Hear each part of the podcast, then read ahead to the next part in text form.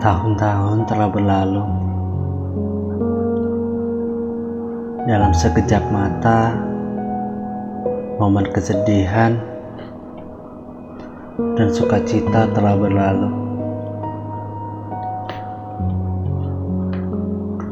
Orang yang aku cintai Telah datang dan pergi.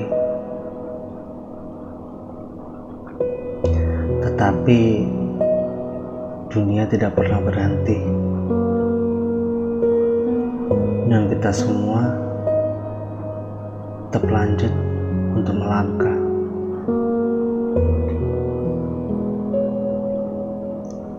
Hidup tidaklah mudah. Dan perjuangan ada di sana. Dipenuhi dengan waktu yang penting Kali saja hanya diriku yang tidak peduli. Aku berdiri sendiri dan aku masih menemukan jalanku. Melalui beberapa malam yang penuh dengan air mata dan fajar hari-hari baru. Dan sekarang, dengan usiaku sekarang, itu menjadi sangat jelas.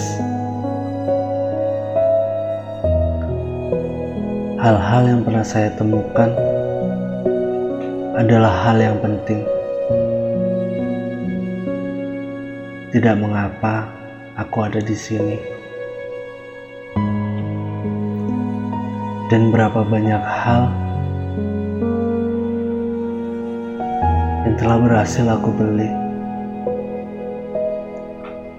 Tidak pernah apa yang membuatku merasa lebih baik di dalamnya.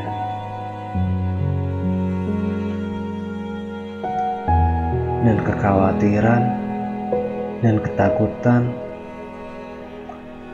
itu menggangguku setiap hari. Pada akhirnya akan hilang begitu saja. Tapi betapa aku menjangkau untuk orang lain saat dibutuhkan